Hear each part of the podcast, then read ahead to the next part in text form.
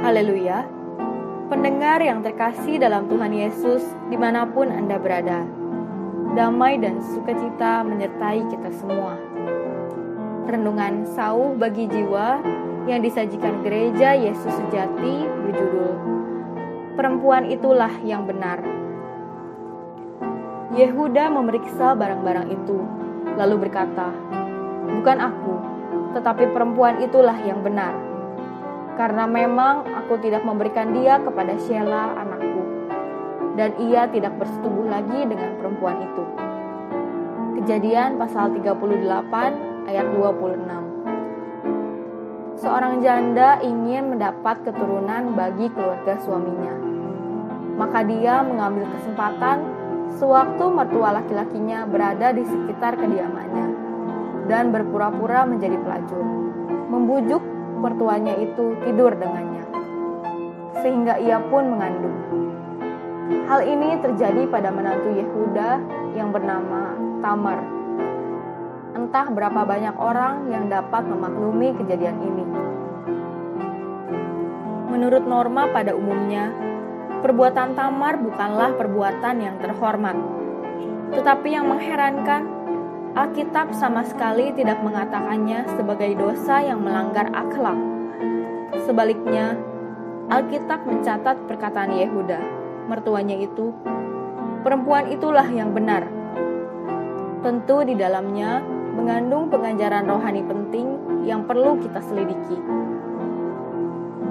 Allah mengakui perbuatan Tamar karena tahu motivasi di dalam hatinya bukanlah untuk mengumbar nafsu jasmani, melainkan untuk mendapatkan keturunan sesuai dengan janji Allah. Perbuatan Tamar ini didorong oleh keyakinannya kepada Allah. Lagi pula, ini semua terjadi karena Yehuda ingkar janji kepadanya untuk memberikan Sheila sebagai suaminya dan meneruskan keturunan Yehuda sendiri.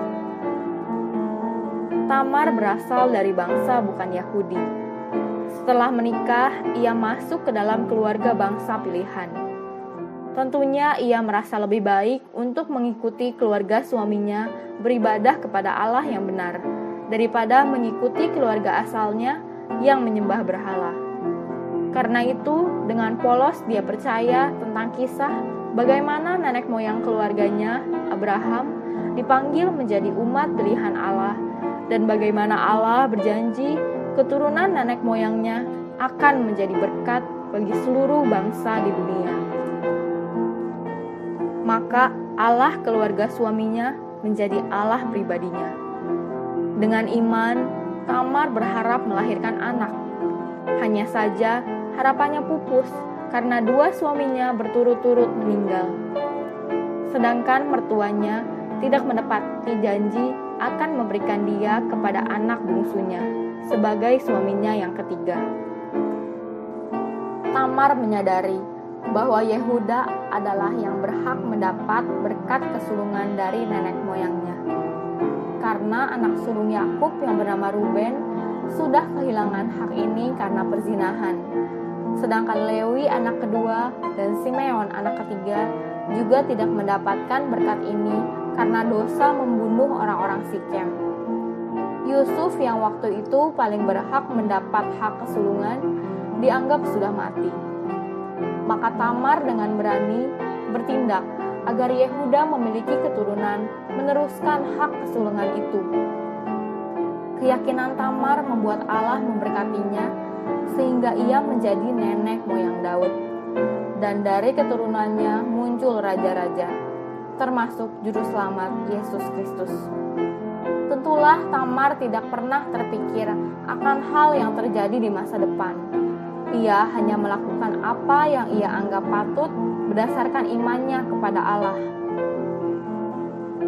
Hari ini, bila kita melakukan apa yang patut berdasarkan iman kepada janji Allah, mungkin kita akan menemui banyak kesulitan mungkin kita akan ditolak oleh orang lain, mungkin seumur hidup kita tidak juga menyaksikan berkat Allah.